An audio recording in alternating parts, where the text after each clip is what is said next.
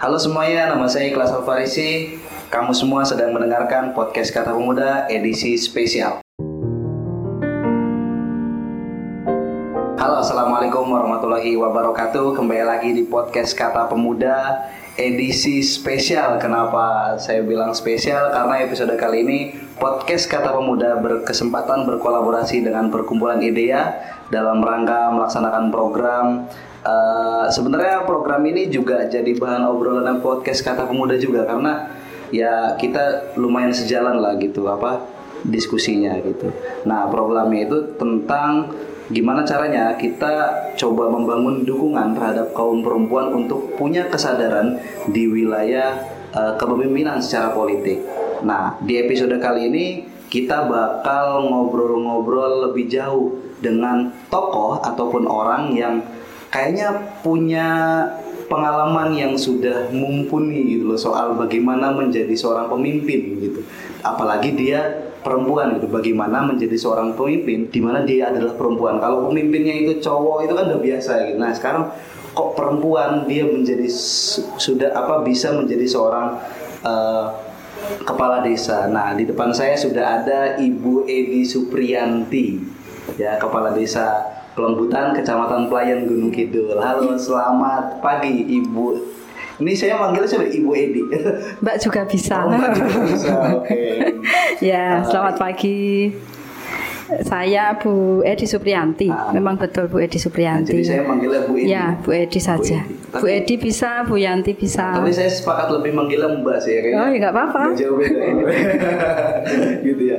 Jadi Bu Edi ini boleh cerita dulu nggak Bu? Kalau Ibu itu sekarang kan sudah apa posisinya sekarang menjadi ini ya Bu ya? Uh, Ibu Lurah, Lurah. iya. Ibu Lurah hmm. di Desa Pelembutan. Di Kelurahan Pelembutan. Uh, Kapanewon Pelayan Kapanewon? Pelayan Oh itu bukan kecamatan Bu? Bukan sekarang kan sudah berbeda sudah oh, uh, kecamatan menjadi Kapanewon. Uh kemudian desa menjadi kalurahan, okay. seperti itu. Oh, Oke, okay. itu beda diksi aja atau sebenarnya sistemnya sama bu? Ya uh, nomenklaturnya saja yang berbeda. Oke oke iya iya, berarti saya yang kurang update gitu ya. Uh, di kalurahan pelayan eh kelurahan pelembutan ini gitu, uh, sebelumnya itu lurahnya apa? Memang sudah perempuan apa baru ibu yang apa berhasil memecahkan rekor menjadi lurah perempuan gitu. Boleh ceritain nggak bu? Ya, uh, saya hmm? sebagai lurah di Kalurahan Pelembutan ini yang pertama kalinya oh, di Kalurahan okay. Pelembutan ah. untuk di Kapanewon Pelayan saya lurah perempuan yang kedua yang kedua. Ya, Terakhir yang kedua. Ada lurah perempuan ya. itu kapan? Uh, di di Kalurahan Logandeng Oh, di, bukan di, di kalurahan kami. Jadi untuk yang di kalurahan Pelembutan memang baru saya oh, berarti pertama, kali menjadi lurah perempuan keren, keren, di kalurahan Pelembutan. Sebelumnya uh, kaum pria yang menjadi lurah di hmm. kalurahan ini. Iya iya. Berarti ibu memecahkan rekor pertama kali ya. Insya Allah. Ada draft sejarah kalurahan pelembutan itu nanti pasti. Perempuan pertama yang ada di pelembutan pertama. yang bisa memimpin pelembutan. Bisa menjadi hokaninya ya. pelembutan gitu. Siap. Iya iya iya. Ya. Nah boleh diceritain nggak bu, Ibu Edi gitu dari mungkin prosesnya punya kesadaran bahwa wah walaupun saya perempuan saya juga bisa dong menjadi seorang pemimpin. Nah proses kesadaran itu tuh seperti apa sih yang dialami oleh ibu Edi? Ya ini cerita ya nah, dari awal ya. nah, kita mulai cerita berkisah. dari awalnya seperti apa. Ya uh, dimulai saya dilantik 2015 oh berarti sejak Desember 2015, 2015 saya nah. dilantik menjadi lurah di uh, Kelurahan Pelembutan. Waktu itu uh, satu kabupaten terlantik ada 56 lurah sekabupaten, dua di antaranya perempuan. Salah satu di antaranya adalah saya. Gitu. Jadi memang perjalanannya cukup cukup panjang. Saya basic saya dari pendidikan. Okay. Jadi sebelum saya menjadi lurah, saya mengajar di salah satu SMK swasta di Kabupaten Gunung Kidul Oh, berarti Ibu Edi basicnya adalah guru? Iya, okay. saya guru di salah satu SMK di Kabupaten Gunung Kidul. Ah. Selain itu juga sebelum menjadi lurah saya eh, di Kalurahan ini aktif di kegiatan di organisasi BPD waktu itu. Oke. BPD, Hmm. BPD di Desa Pelembutan. Nah, seiring berjalannya waktu, ya memang yang namanya pengabdian, yang namanya niat untuk kita bisa bisa apa ya, bisa harus bangkit dari dari kondisi yang kok nggak ada ya yang perempuan yang berani untuk maju. Nah, Nah, waktu itu saya memang memberanikan diri nekat nekat nekat ini anunya apa faktornya apa dulu? nekat Nekatnya itu kenapa? nekatnya ya karena itu tadi kok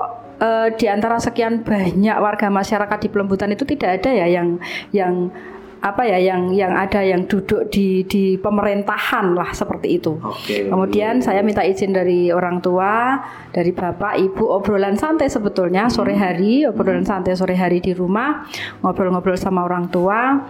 Kebetulan eh, sebelum saya itu memang di Kalurahan ini Mbah Buyut saya juga lurah pertama di Oh, Pelembutan. ya. Kemudian eh, setelah itu eh, om saya juga lurah di Kalurahan Pelembutan.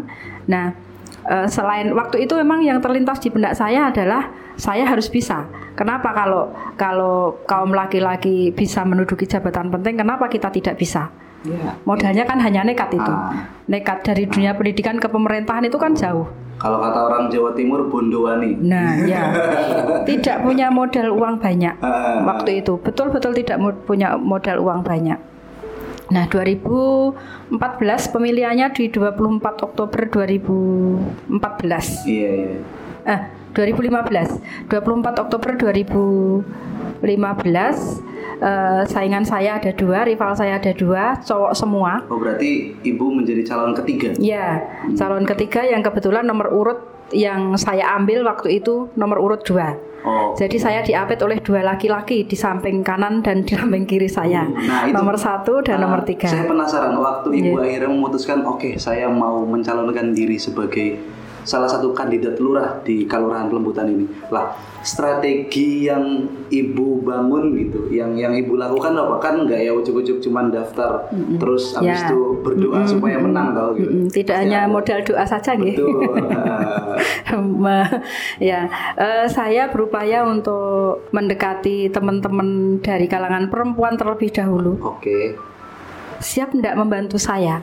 Oke. Siap tidak membantu saya. Saya ingin mengabdikan diri saya, memberikan sesuatu yang saya punya untuk masyarakat di Kelurahan Pelembutan bersama dengan ibu-ibu. Oke, berarti yang dideketin adalah sesama kaum Pertama-tama yang kita sampaikan adalah teman-teman teman-teman perempuan. Mm-mm. Walaupun juga bapak-bapak pun juga kita ajak. Oke. Yang saya lakukan adalah saya langsung nekat terjun ke kelompok-kelompok masyarakat, baik itu di pertemuan RT, di pertemuan PKK dan lain sebagainya. Ya waktu itu ya istilah orang Jawanya yang jaluk dongo pengestu, nyuwun dongo pengestu, seperti itu. Minta doa restu. Ya seperti itu. Kemudian tidak tidak sebetulnya tidak muluk sih yang saya lakukan. Kita hanya berupaya untuk ngambyuk saja. Ngambyuk ki bahasa bahasa Indonesianya kita berbaur dengan mereka. Berbaur. Iya. Berbaur dengan mereka. Itu sebetulnya yang hanya yang saya lakukan hanya seperti itu. Dan alhamdulillah dukungan dari keluarga, dukungan dari eh, teman-teman luar biasa Hmm. dan perolehan suara suara saya dibandingkan dengan dua calon yang ada apabila dua calon ini perolehan suaranya digabungkan belum bisa Oh gitu. menyaingi perolehan suara Keren- saya. Keren ya. Enggak. Saya Alhamdulillah. tertariknya kalau ibu waktu itu berbaur mulai ngajak sama sesama perempuan, kayaknya mungkin bisa langsung kayak oh iya Ki, oh perempuan gitu. Saya langsung mendukung yang apa kaum perempuan. Lah, strateginya ibu yang ngajak kaum laki-lakinya gimana Bu? Argumentasinya apa? Dukung sayanya gimana itu? Dukung sayanya eh, modal utama yang saya punya walaupun apa nje mungkin bagi orang kalau masyarakat umum sih masyarakat awam sih sarjana itu luar biasa Oh, pandangan mereka. Iya, ya iya. alhamdulillah saya S1 Hmm. saya satu kemudian calon yang lain waktu itu memang masih eh, di tingkat Oh, SLTA lebih ya bawah. lebih rendah dari saya nah yang saya pakai adalah saya hanya menyampaikan visi misi yang sederhana tidak panjang, ti- tidak banyak visi misinya, yang ingin membangun eh, pelembutan agar bisa mandiri dan berbudaya. Itu saja. Mandiri dan Mandiri berbudaya. berbudaya. Iya. Eh, untuk mengajak kaum laki-laki Ya, kita menggandeng memang eh, tidak bisa dipungkiri kita memang mengajak juga merekrut juga teman-teman saudara-saudara laki-laki. Yang dari saudara laki-laki yang kita gandeng bersama-sama itu satu dua tiga empat. Dari empat ini nanti dia mencari yang lain. Oh, mengumpulkan yang ah, lain. iya. kemudian saya masuk ke mereka saya masuk ke mereka dalam pertemuan-pertemuan yang dilakukan oleh organisasi-organisasi yang ada. Tadi saya sampaikan ada pertemuan RT, Oh. pertemuan kelompok Ah, eh, kaum laki-laki itu saya masuk di sana. Berarti semua apa namanya? Semua level itu benar-benar dirangkul. Iya, gitu. iya, alhamdulillah. dari mulai RT, Mm-mm, RW. mm. Dan mungkin yang justru mengena adalah pada saat saya itu selalu ada di setiap kegiatan mereka. Hmm. di kegiatan masyarakat. Iya, iya, apa iya. itu kegiatan masyarakat yang seperti apa? Satu contoh misalnya ada takziah. Hmm. Saya mesti ada di sana. Bahasa itunya selalu ngetok. ya? Selalu ngetok di Hmm, eh, setiap kegiatan masyarakat. Ah, ah, ah. Itu modalnya. Artinya malam hari pun juga nek warga itu ada yang ngabari ada sesuatu yang saya harus datang di sana, ya siap untuk datang. Wah, luar biasa sekali. Ah, Begitu, Mas. Iya iya iya. Nggih. Saya itu pernah baca riset bu. Jadi di dunia ini juga banyak ya apa namanya pemimpin-pemimpin perempuan gitu.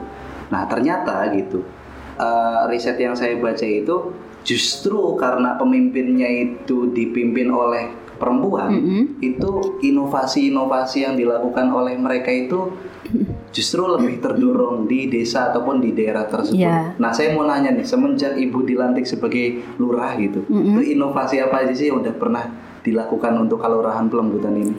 Mungkin ini yang pertama kali eh, muncul di Kabupaten Gunung Kidul. Pertama kali ada perdes partisipasi kelompok rentan dalam pembangunan. Perdes, Perdes partisipasi kelompok rentan dalam pembangunan. Nah, itu Perdes nomor 17 tahun 2000 eh nomor 11 tahun 2017. Oh, Oke. Eh 2018. Itu pertama kali di Pertama Kidul. kali di Kabupaten Gunung Kidul ada.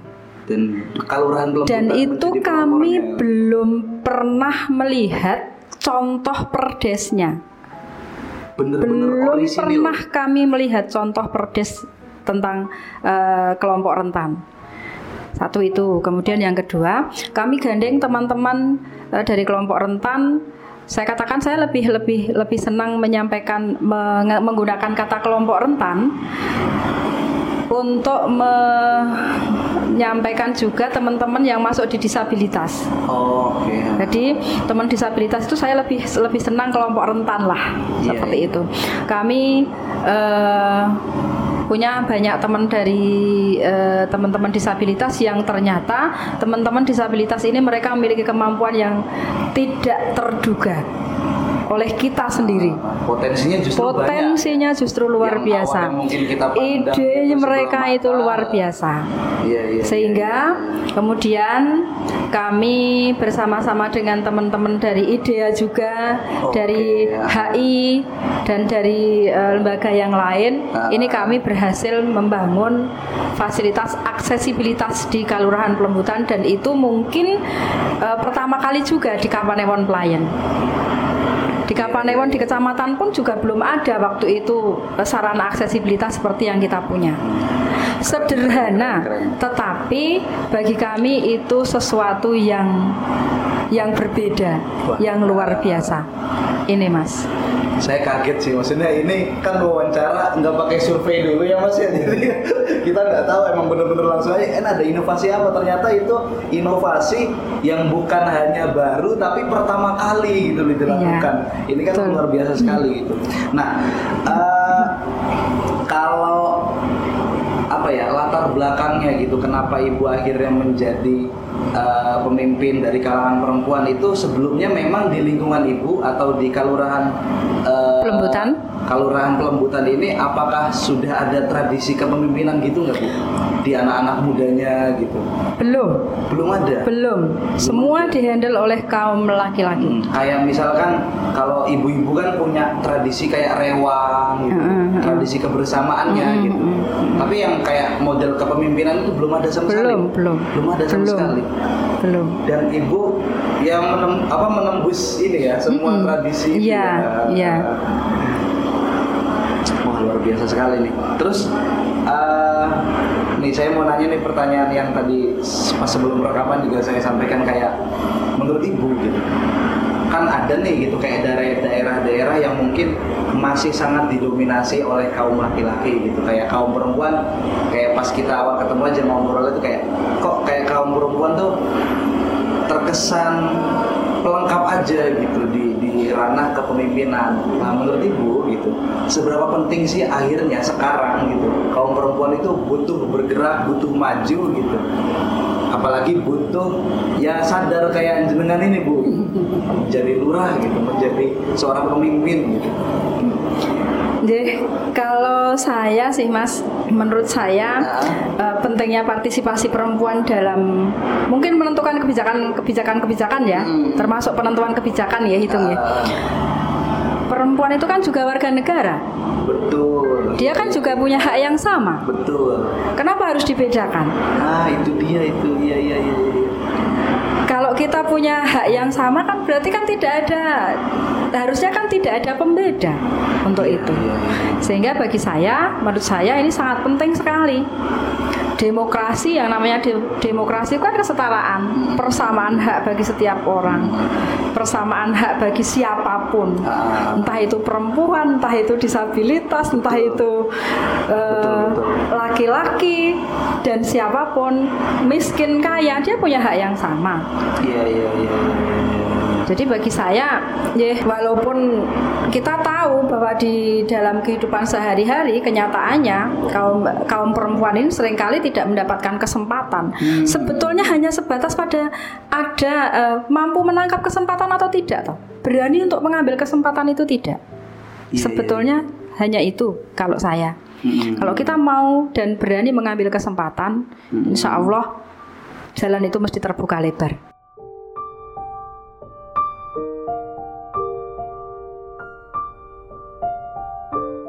Ya, Bu, saya mau nanya nih, Bu. Kan tadi kan Ibu bilang bahwa ya di tengah masyarakat yang masih sangat patriarki gitu di di Kelurahan Pelembutan ini, terus ada seorang Edi Supriyanti gitu yang yang berani mencalonkan dirinya untuk menjadi pemimpin. Ada nggak sih dalam diri Ibu sendiri tuh perasaan kayak kalau kata anak zaman sekarangnya insecure gitu kayak merasa diri aku isora yo gitu-gitu terus kayak merasa mendapat stigma tidak baik gitu loh padahal ya niat jenengan kan pasti mulia ingin mengabdi ingin memimpin ingin melayani tapi sering apa ada nggak gitu dap, sering sering dapat stigma atau dapat dari ibu sendiri gitu merasa minder gitu Ya, eh, stigma terhadap eh, saya secara pribadi Hah? tidak hanya sering, Mas. Tidak hanya sering, banyak sekali. walah Kenapa? Eh, terus terang, Mm-mm. saya adalah single parent. oke Single parent, eh, anak saya dua. anaknya dua Eh, saya membesarkan anak saya sendiri Mm-mm. dari 2005. Alhamdulillah sampai sekarang juga aman, tentram dan damai. Iya, Artinya iya, iya. eh, seorang single parent itu di masyarakat stigma masyarakat itu mesti elek. iya iya iya. mesti jelek mesti apalagi eh, seorang single parent setiap hari keluyuran ke mana ke mana-mana sendiri Hmm. kemudian eh, malam-malam juga keluar dari rumah itu kan luar biasa mas Iya iya. tapi modalnya dari awal tadi saya sampaikan saya nekat Mm-mm. saya nekat nekatnya apa saya tidak punya niat untuk hal-hal yang yang yang negatif lah Hmm. niat saya adalah saya mengabdi kepada masyarakat Iya. Kayak ada pengalaman stigma gitunya gimana gitu loh tuh? Eh, saya mau nangis mas kalau mau cerita ini. Wah. Kenapa? Karena cibiran masyarakat waktu pertama kali saya mau sosialisasi calon kepala desa, Mm-mm. kalimat-kalimat yang muncul milih kok milih sing rondo Hmm. milih kok milih sing janda milih ki sing laki-laki. Stigma masyarakat terhadap kepemimpinan perempuan itu kan juga masih sangat sangat kental sekali. Iya. kepemimpinan perempuan itu pemimpin kok perempuan? Pemimpin itu tidak perempuan pemimpin itu laki-laki. Yang melarang siapa? Heeh. ratu Bilqis itu perempuan jadi ratu. Iya. dia cantik. Nah itu yang menjadi inspirasi saya. Dia cantik bisa memakmurkan masyarakat ini yang menjadi menjadi semangat saya Eh, kemudian juga motivasi dari keluarga dari waktu itu eh, orang tua masih ada semuanya. Kemudian eh, dari saudara-saudara saya kebetulan saya empat bersaudara Mm-mm. perempuan sendiri anak nomor satu. Adik-adik saya yang tiga cowok ini mendukung penuh orang tua juga mendukung penuh. Jangan dengarkan omongan orang di luaran Iya. iya, iya. karena orang itu hanya akan menilai apa yang dia lihat tidak menilai apa yang sebenarnya yang kita lakukan Hmm. kemampuanmu itu diuji oleh masyarakat dengan anggapan-anggapan bahwa kamu keluar malam itu boleh sesuatu yang tidak selayaknya. Mm-mm. Padahal kan kamu, saya, Mm-mm. saya kan keluar itu kan untuk melakukan pengabdian saya Ah, ah, ah, sampai Semata-mata demi melayani. Iya, sampai hari ini pun Mas, insya Allah setiap kali ada informasi yang datang dari masyarakat, apa pun itu bentuknya, entah itu ada e, warga yang meninggal tengah malam, saya siap untuk hadir. Mm-mm. Tengah malam masih Mm-mm. saya siap untuk hadir. Di e, wilayah kami ada 11 padukuhan di mana pun, nek dikabari dan insya Allah itu karena sudah menjadi komitmen saya, saya adalah pelayan dari masyarakat, saya melayani masyarakat, maka itu yang saya lakukan. Mm-mm. Begitu mas. kalau dari dalam diri jenengan sendiri gitu kan pasti kan namanya semangat itu kan naik turun naik turun lah waktu yang semangat nurun ini kadang-kadang kan merasa minder ngerasa terus-terusan dapat tekanan gitu gimana cara ibu untuk mengembalikan itu untuk bisa terus konsisten sebagai pemimpin sekarang Ya kita melihat eh, yang motivasi saya justru bukan dari siapa-siapa, Mm-mm. dari anak-anak saya. dari anak-anak Itu motivasi yang luar biasa. Heeh. Kemudian dari almarhum ibu saya. Oke. Saya selama apa sih? Jadi dilantik 2015. Mm-mm. 2018 ibu mengalami stroke. Ya. Saya hanya hidup dengan ibu dan anak-anak saya. Saya eh, mendampingi ibu. Kemudian ya itu motivasi saya itu. Dan ibu selalu tidak tidak pernah apa nih? Tidak pernah berhenti Mm-mm. untuk memberikan motivasi. Mm-mm. Terus berjuang ya loh. Nah, jadi nangis sama saya. Tahu. Waduh. Ah.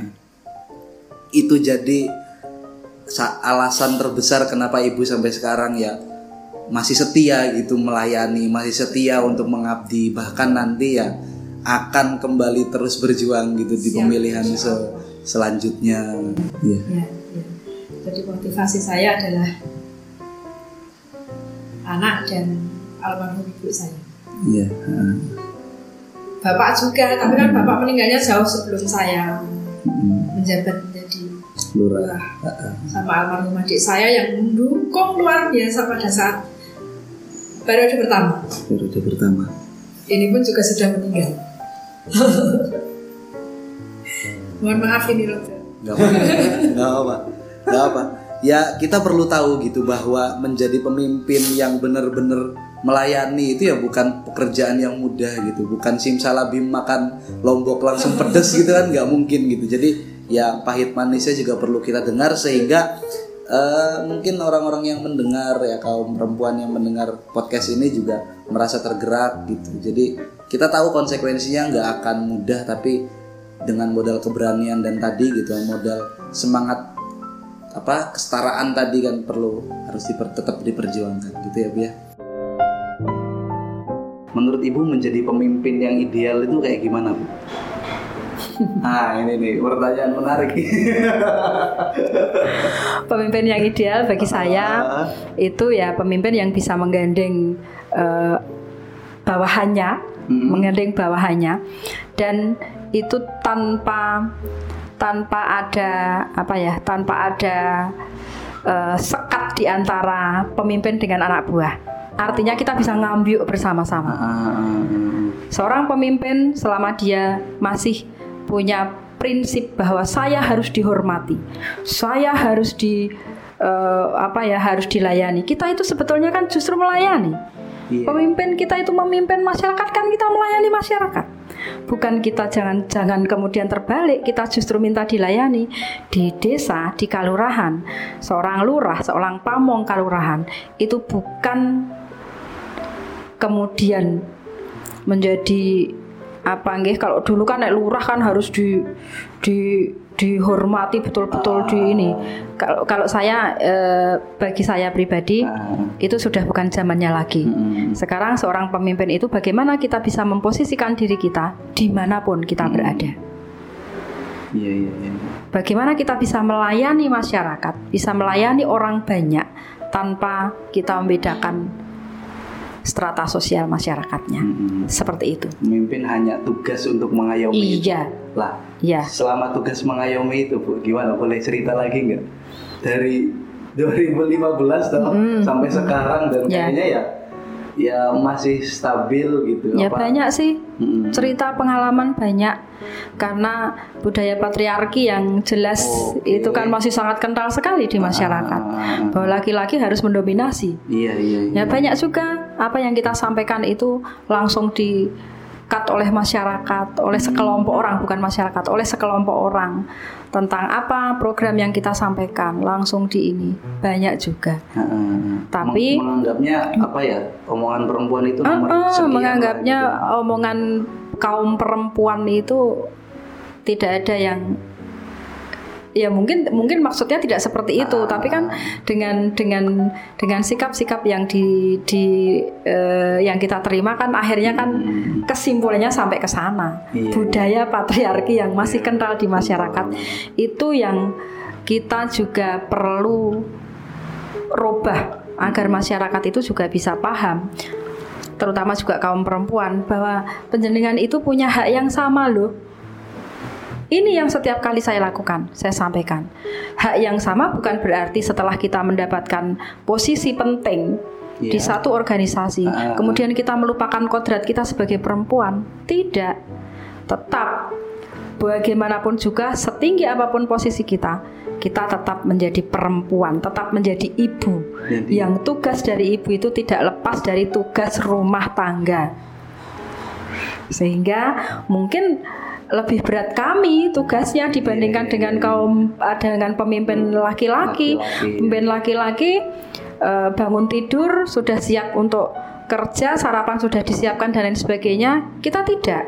Kita harus menyiapkan sendiri, harus menyiapkan kebutuhan untuk anak dan keluarga, ke- rumah harus beres semua, baru kita kerja. melakukan Heeh. tugas sesuai dengan kewajiban kita. Iya iya. Berarti tugasnya memang double gitu. Double tidak hanya double Mas, 24 jam full, 24 tidak bisa. jam full. Iya. Nah yang luar biasa itu udah mah tugasnya double tapi ma- masih mampu menelurkan inovasi-inovasi itu kan yang luar biasa dan perlu apa ya jadi perhatian gitu loh bagi daerah-daerah yang lain barangkali ini menjadi inspirasi gitu. Untuk kan ibu kan pasti punya harapan tuh kayak bukan hanya ibu Edi nanti yang nantinya bakal menjadi calon-calon pemimpin Iya. selanjutnya dari kalangan perempuan ya Iya. harapannya tentu di kaluran pelembutan ini ada lagi penerusnya lah strategi untuk mendorong kesadaran kaum perempuan itu kira-kira menurut ibu itu prosesnya kayak gimana bu step-stepnya gitu sehingga nanti ada gitu perempuan-perempuan selanjutnya Ini juga saya cerita. Nggih, Jadi ada saya punya teman teman-teman disabilitas, teman-teman dari kelompok rentan yang semula mau ke balai desa, mau ke kantor kalurahan, itu mereka takut, malu Hmm, dan lain sebagainya. Mau ikut pertemuan di tingkat RT, di arisan PKK itu mereka belum belum berani. hmm. Untuk untuk ikut terlibat di kegiatan masyarakat belum berani. Tetapi dengan upaya yang kita lakukan, kita dari awal tadi saya sampaikan, Hmm. saya pendekatannya saya gandeng. Cuma itu mas, nggak nggak dengan materi kamu saya berikan materi ini silahkan Ah. mengembangkan ini tidak. Tapi cuma kita dekati, ayo bareng-bareng kita kita bisa kok kita bisa. Hmm. Sederhana tapi ternyata itu luar biasa. Dan akhirnya dari teman-teman yang disabilitas ini banyak sekali di pelembutan ini yang sudah berani untuk mereka berpendapat. Oke. Kemudian mereka juga eh, eh, bisa ikut di terlibat di organisasi-organisasi yang di luar kelurahan Pelembutan. Bahkan beberapa kali teman-teman dari disabilitas ini, dari teman-teman kelompok rentan ini ikut dilibatkan dalam kegiatan-kegiatan yang skalanya di tingkat kabupaten maupun di tingkat provinsi. Ah. Nama bisakah saya sebutkan atas nama Mbak Sumiati, Mbak Ngatini, Hmm. Mungkin Mas Haidar juga sudah bukan nama asing lagi bagi Iya, teman-teman iya, IDEA, iya. HI ini juga tem- mereka luar biasa. Hmm. Jadi eh, dan di setiap kegiatan perempuan, di setiap kegiatan perempuan yang alhamdulillah kegiatan-kegiatan ibu-ibu di Kelurahan Pelembutan ini eh, kita bisa melihat perbedaannya jauh dibandingkan dengan sebelum saya menjabat dengan sekarang ini alhamdulillah sudah geliat perempuan ini sudah sudah sangat kelihatan Sudah sekali. sangat kelihatan. Iya. Ah. Dan pertemuan tidak hanya di PKK-nya saja, PKK kan sudah jelas wajib itu. Iya, Tapi iya, kegiatan organisasi-organisasi perempuan juga eh, sudah ada, bahkan Hmm. eh, kita punya kelompok Mutiara, Mutiara Pelembutan. Hmm. Kelompok Mutiara Pelembutan ini isinya adalah teman-teman dari kelompok rentan, Hmm. perempuan rentan ekonomi sosial, sosial ekonomi, kemudian disabilitas sendiri juga ada di sana, Hmm. kemudian eh, lansia juga masuk di sana. Iya, ini iya, ketua kelompoknya adalah perempuan. perempuan. Ya. Tapi itu ke, apa organisasi perempuan itu apa? Memang khusus untuk perempuan atau ya bebas saja gitu? semua kelompok rentan bisa masuk di situ. Bisa masuk di sana. Ya, dan anggotanya juga ada yang laki-laki juga. Oh gitu. Iya. Gitu, Wah, ini. Mas. Nah, jadi strateginya memang harus mulai dari organisasi ya, karena Mm-mm. organisasi memang tempatnya Mm-mm. penyadaran massa gitu ya. Jadi memang nggak bisa kita kayak apa door to door gitu harus menyadarkan. Door to door ya nggak bisa selesai, Mas. Ah, Door to door nanti ya sampai iya benar. Tapi kalau apa stigmanya orang desa itu bu, stigmanya orang desa itu kan kalau apa namanya ya kalau kamu mau nyalon sebagai pemimpin itu ini ini isu yang Mm-mm. itu kayak harus berbasis materi apa segala harus macam. punya uang banyak gitu ya. Oh, gitu-gitu. Nah kalau di desa pelembutan ini kayaknya nggak terjadi ya bu. Ya sebetulnya se- beberapa orang punya punya anggapan seperti itu. Eh, waktu saya mau maju, ada pertanyaan banyak pertanyaan yang di- disampaikan ke saya. Piro modali arep dadi lurah Oke. Nah, seperti itu. Tapi dari tahap dari periode pertama saya maju eh yo nek jenis uang untuk rokok, untuk bensin tim itu kan wajar. Ya. Tapi untuk bagi-bagi uang money politik kita tidak tidak menggunakan cara itu. Dan mohon doanya di 2021 ini nanti saya berakhir masa jabatan 6 tahun. Oh, ini ya, jabatan. ya, insya Allah kita tetap akan komit maju lagi untuk di periode kedua. Mohon doanya mudah-mudahan nanti saya juga masih dipercaya, ditresnani oleh masyarakat di Kelurahan Pelembutan sehingga saya bisa melanjutkan pengabdian saya kepada warga masyarakat di Kelurahan Pelembutan. Oke, eh, Bu Edi, saya mau nanya nih. Saya penasaran juga. Setelah Ibu menjabat sejak 2019 dan 2021 ini adalah tahun terakhir jabatan Ibu sebagai lurah eh, dan terakhir apa namanya? Rencana kan mau mencalonkan lagi di periode kedua gitu.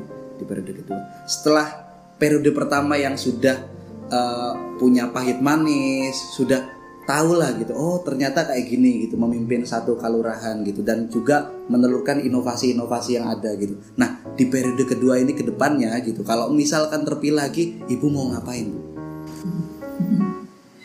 Ya, melanjutkan ya. melanjutkan program-program yang sudah ada. Ah, ah, ah. Nantinya eh, pelayanan masyarakat yang kemarin itu belum mungkin masih ada eh, banyak yang belum bisa kita layani secara baik, Ah, kita tingkatkan menjadi lebih baik. Oke. Pelayanan ah, kepada masyarakat, apa pun itu bentuknya. mm-mm. Masuk pembangunan, mungkin beberapa pembangunan di beberapa wilayah Padukuhan itu belum belum bisa maksimal. Ya. Insya Allah ke depan nanti pembangunan itu akan merata di 11 Padukuhan.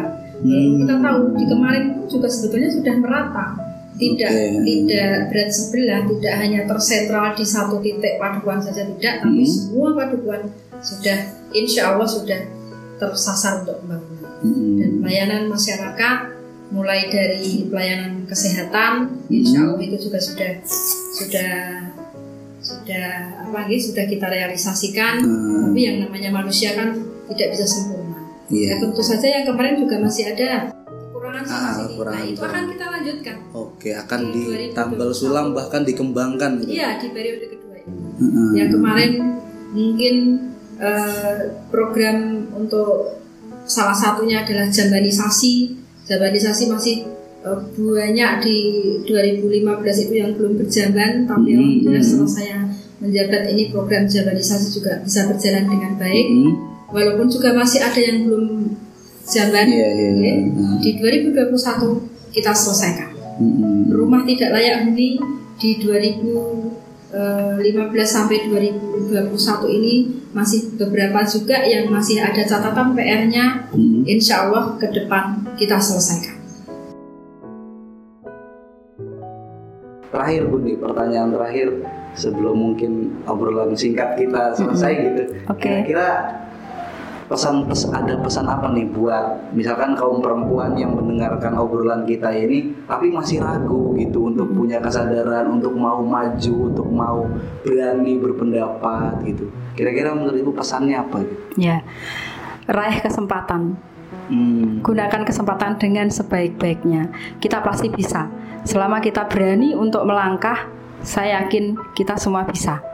Karena kita punya hak yang sama. Itu yang menjadi kata kuncinya. Hak kita sama dengan kaum laki-laki. Kita itu justru lebih kuat dibandingkan dengan kaum laki-laki. Mohon maaf, bukan mendiskreditkan kaum laki-laki tidak, Hmm. tapi kita eh, belajar dari pengalaman yang saya saya alami sendiri eh, ternyata kita juga bisa kok dengan keyakinan Hmm. dengan eh, niat dengan usaha dan dengan doa tentu saja Mm-mm. alhamdulillah eh, mungkin ini juga tadi penjenengan juga perso di lokasi kantor kelurahan kami Iya. di depan ruangan saya ada gedung yang tinggi Mm-mm. ini gedung era saya kita bangun di tiga tahap iya iya tiga tahap langsung 2018, 2019, 2020 ini menjadi gedung serbaguna kebanggaan kami. Hmm. Ini juga inovasi yang di kecamatan di Kapanewon Pelayan ini yang mungkin terbesar untuk gedung serbaguna ini. Dan alhamdulillah harapannya nanti ini juga menjadi eh, pendongkrak dari pendapatan kita, pendapatan kita karena alhamdulillah sejak kita buka di bulan Maret tahun 2021 ini alhamdulillah antusias dari klub-klub voli maupun klub-klub badminton ini luar biasa di dalam menggunakan eh, gedung kami. Hmm, jadi rame ya jadi Jadi rame terus, Ah, ah, ya. pusat pusat desa itu ya memang harus ditempati dan Betul. diakses oleh orang-orang desa itu Betul, sendiri gitu. nje. Dan saya juga tidak menyangka, saya sendiri tidak menyangka bahwa atasnya saya sing perempuan itu bisa mungkin tadi kelewatan untuk saya ceritakan bisa boyong Ah, pasar desa yang semula pasar itu dikelola oleh pribadi sekarang bisa dikelola menjadi pasar di Kelurahan Pelembutan dikelola oleh BUMDes kami. oh jadi pasarnya Ya. itu bumdesnya itu pasar ya Mm-mm. Eh, menarik sekali Ini tahun perubahan. pertama. Eh, tahun ini tahun pertama Enggak, eh, saya saya tahun pertama langsung bisa boyong pasar oh desa tahun itu. pertama menjadi lurah Tahun pertama di masa jabatan saya. Keren, keren. Luar Tadi biasa. kelupaan mas, Iya, iya. nggak tersampaikan. Oh, ini Soalnya alur- banyak sekali sih. alurnya maju mundur bisa cerita di apa namanya di konteks yang mana Iya. saja gitu. iya. Ya, eh, menjadi pemimpin itu bukan mempersoalkan gender atau jenis kelamin, tapi menjadi pemimpin yang terpenting adalah gagasan, visi misi, inovasi dan juga etos kerja yang bisa dibuktikan kepada seluruh masyarakat yang dipimpin. Jadi hari ini nggak perlu lagi mempermasalahkan jenis kelaminmu apa gitu, gendernya apa gitu. Tapi kalau kita melihat ada orang yang berpotensi untuk bisa menjadi pemimpin, pilih dia, dukung dia. Saya Ikhlas Alfarisi, sampai jumpa di episode selanjutnya.